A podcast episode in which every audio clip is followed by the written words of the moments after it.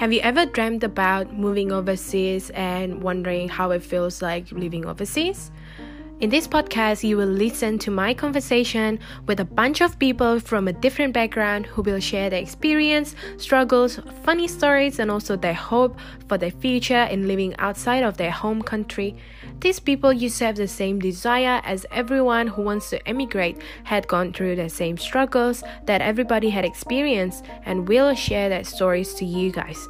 Take it as a warm support and motivation for you who wants to experience living overseas.